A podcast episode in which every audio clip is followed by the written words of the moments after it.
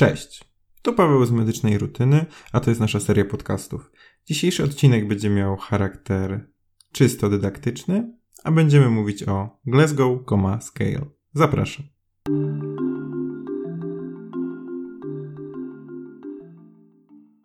Na początek muszę powiedzieć, że to taka nowość. Mam nadzieję, że Wam się spodobają takie krótkie odcinki.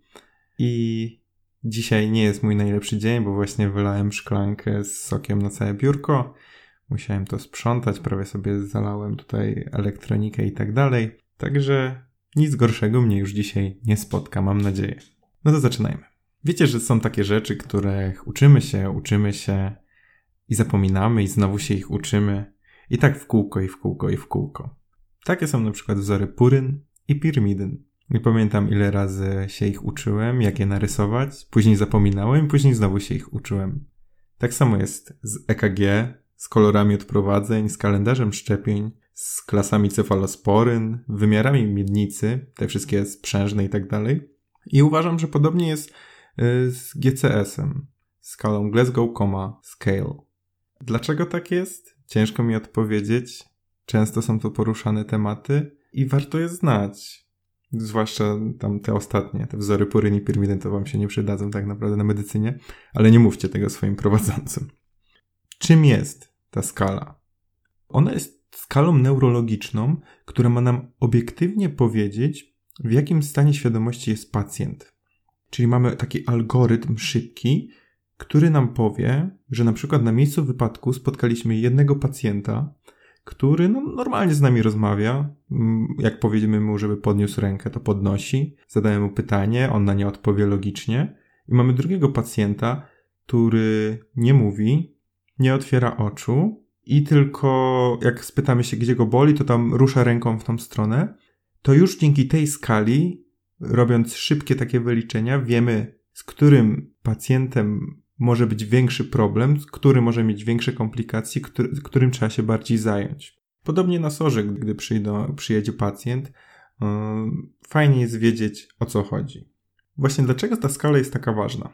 Po pierwsze, jest powszechna, jest wszędzie używana, a to, jak jest powszechna, wskazuje pewien artykuł, który znalazłem na Lancet. Pierwszą wersję tej skali opublikowano tam w artykule chyba w 1984 roku i tam 40 lat później opublikowano artykuł pokazujący, jak ta skala sobie poradziła z, z biegiem czasu.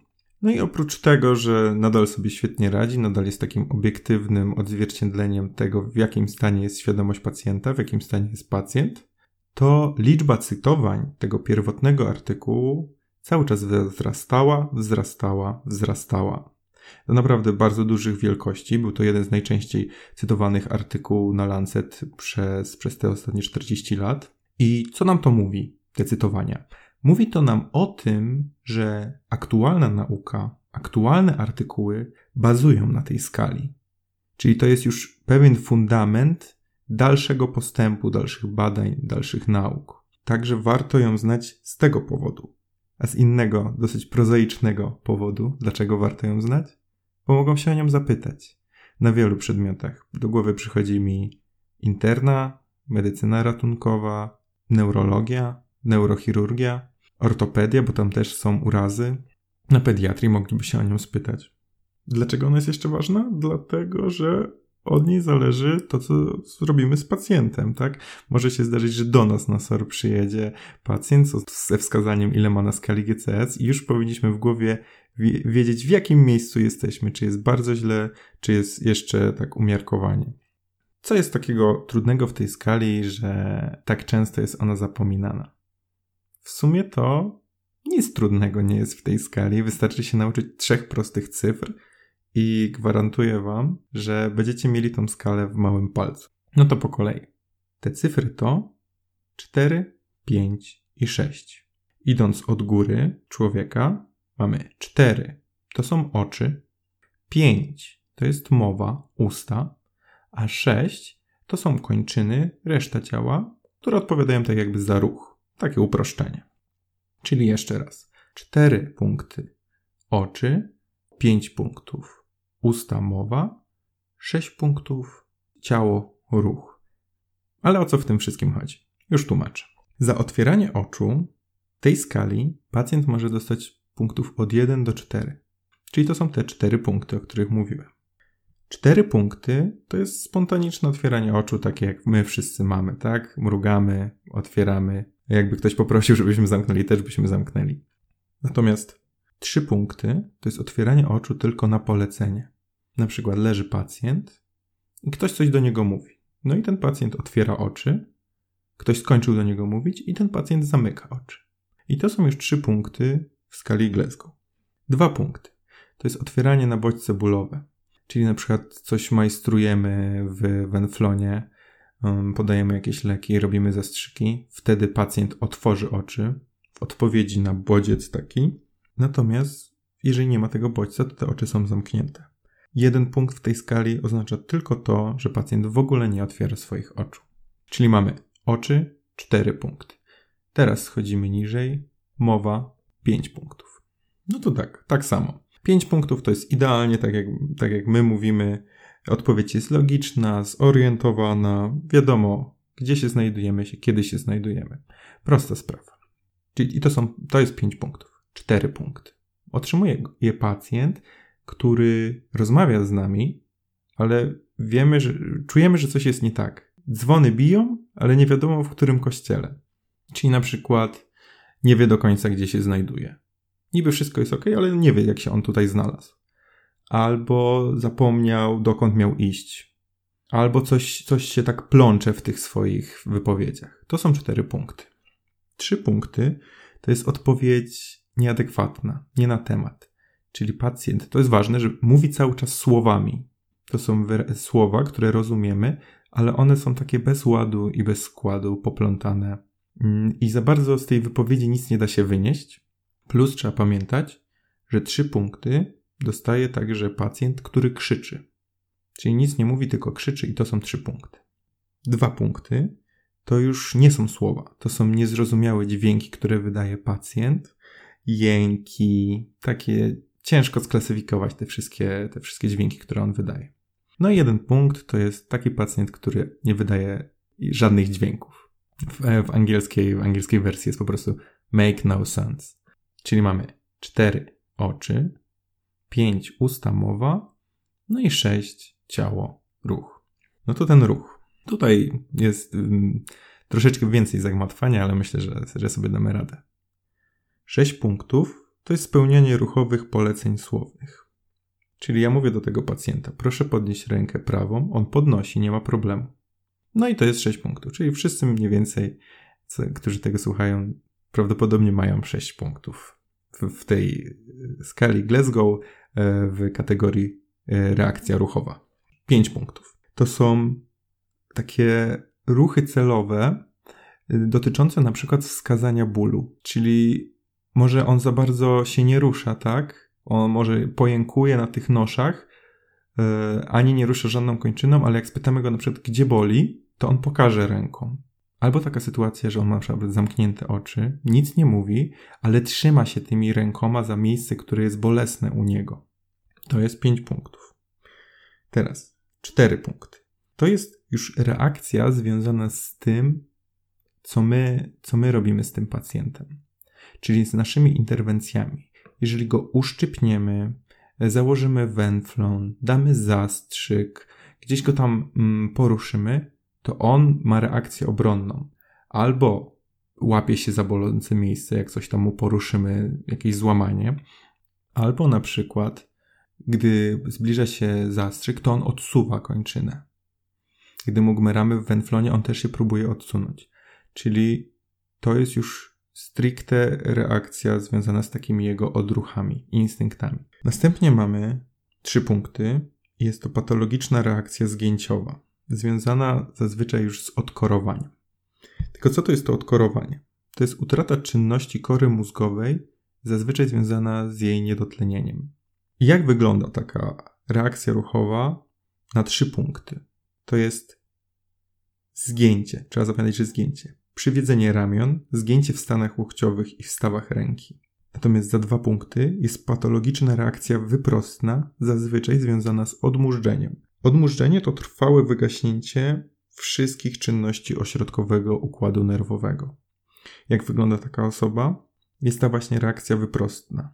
W stawach łokciowych, przeprost w stawach kończyn dolnych, odwiedzenie i obrót ramion do wewnątrz, wyprost w stawach łokciowych. Te stany odkorowania, odmurzczenia, one są bardzo tragiczne. Można sobie na YouTubie zobaczyć, um, jak takie osoby wyglądają. Wydaje mi się, że są tam takie filmiki. I no to są bardzo takie badające w pamięć obrazy. Jeden punkt otrzymuje pacjent, który w ogóle się nie rusza. Czyli tak, jeszcze raz, dla przypomnienia. Cztery punkty. Oczy, pięć punktów. Usta, mowa, sześć punktów. Ciało, ruch. Co teraz powinniśmy jeszcze wiedzieć związanego z tą skalą, bo to, że jesteśmy w stanie policzyć u tego pacjenta, to jeszcze tak naprawdę nic nam nie mówi. Jaka jest maksymalna ilość punktów, jaką można dostać w tej skali? No to każdy sobie zrobi prostą matematykę 4 plus 5 plus 6, czyli 15. No dobra. Jaka jest minimalna? No to jest już trudniejsze pytanie, bo jak każdemu jakaś skala i wartość minimalna, to każdemu się kojarzy 1 lub 0. W tej skali minimalną wartością są 3 punkty. Ponieważ w każdej tej kategorii, jakby nie mówiłem w ogóle o zerze, bo tam go nie ma, tylko najmniejszą wartością za każdą z kategorii można dostać jeden punkt. I wtedy otrzymuje się 3 punkty, i taka wartość świadczy o bardzo głębokiej śpiączce lub śmierci mózgu. Trzeba pamiętać o tym także, że mówimy, że to jest skala obiektywna, ale są takie sytuacje, w której wartości, które zbierzemy od pacjenta, nie do końca obiektywnie wskazują na jego stan. No to załóżmy na przykład, że jesteśmy na imprezie, ktoś się upił. No to taka na przykład jego reakcja ruchowa jest obniżona. Powiedzmy, że jego kategoria odnośnie mowy też jest obniżona. Dostaje tam mniej punktów, ponieważ jego mowa jest nieskładna. I mimo tego, że tutaj jest mniej tych punktów w tej skali, to jakby to nie jest to samo zagrożenie, które mielibyśmy u, u pacjenta znalezionego w miejscu wypadku. Inną trudnością związaną z punktacją w tej skali są na przykład osoby, które całe życie zmagają się z pewnymi niedowładami, niedowładami kończyn. No i wiadomo, że w tej kategorii ruchowej dostaną mniej punktów, mimo tego, że ich świadomość i mimo tego, że ich świadomość jest że ich świadomość jest 15 na 15 punktów, ale w takiej sytuacji dostaliby ich mniej. Inną trudnością są pacjenci zaintubowani, ponieważ ta komponenta mowy jest odejmowana. No bo oczywiście oni nic nam nie powiedzą e, i nie możemy zebrać e, do tego GCS-u tej komponenty mowy. Ostatnią z trudności, którą wymienię, jest to, że tej skali nie używamy u dzieci poniżej 36 miesiąca życia. Wiem, że to zabawne 36 miesiąc, e, ale tak było napisane na oficjalnej stronie. Do dzieci poniżej 36 miesiąca życia jest osobna skala GCS-u tam zmodyfikowana. No dobrze. Powiedzmy, że udało nam się przebrnąć przez to, jak zebrać tą, te dane do tej skali. Tylko co teraz mówią nam te wartości punktowe? Znalazłem takie dwa opracowania. Jedno dotyczy uszkodzenia mózgu. I mówi się, że uszkodzenie mózgu małego stopnia jest wtedy, gdy GCS jest równy lub powyżej 13. Średniego stopnia, gdy jest od 8 do 12, a ciężkiego stopnia, gdy jest poniżej 8. I teraz dzięki tej skali już wiemy, jak, jak na przykład ciężkim, w ciężkim stanie znajduje się ten pacjent. Ale inna skala. Mówi o zaburzeniach przytomności. I tak, GCS 13-15 to są łagodne zaburzenia przytomności. No bo też wiadomo, że może nam wyjść, że, że jest 15 punktów, ale jednak jakieś tam zaburzenia są. Może być taka sytuacja. 9-12 to są zaburzenia przytomności umiarkowane. 6-8 to jest brak przytomności. 5 to jest odkorowanie. 4 to jest odmurzdzenie, a 3 to jest śmierć mózgu. E, tylko jak sobie zacząłem zastanawiać, czy możemy tylko na podstawie zebranych kilku punktów mm, wnioskować o odkorowaniu, to wydało mi się to troszeczkę dziwne, ale takie odczytanie tej skali też się znajduje. Co jeszcze jest bardzo ważne? W momencie, w którym mamy GCS równy lub poniżej 8, jest to wskazanie do intubacji. Czyli jeżeli znajdujemy się na sorze, znajdujemy się na oddziale i pojawia się taki pacjent, to już się sami przygotowujemy do intubacji albo rozglądamy się, gdzie jest anestezjolog, anestezjolog, żeby tą intubację wykonał. I tak naprawdę przerobiliśmy tą skalę GCS bardzo szybko. Mam nadzieję, że ułatwi Wam to zapamiętanie. Jeszcze raz, najważniejsze informacje to 4 oczy, 5 usta mowa, 6 ruch ciało, równy lub mniejszy od 8 wskazanie do intubacji i właściwie to są te kluczowe, kluczowe informacje. Myślę, że na tym zakończymy. Mam nadzieję, że Wam się spodobał ten krótki materiał dydaktyczny i liczę, że spotkamy się może w następnym. Trzymajcie się wszyscy. Pa!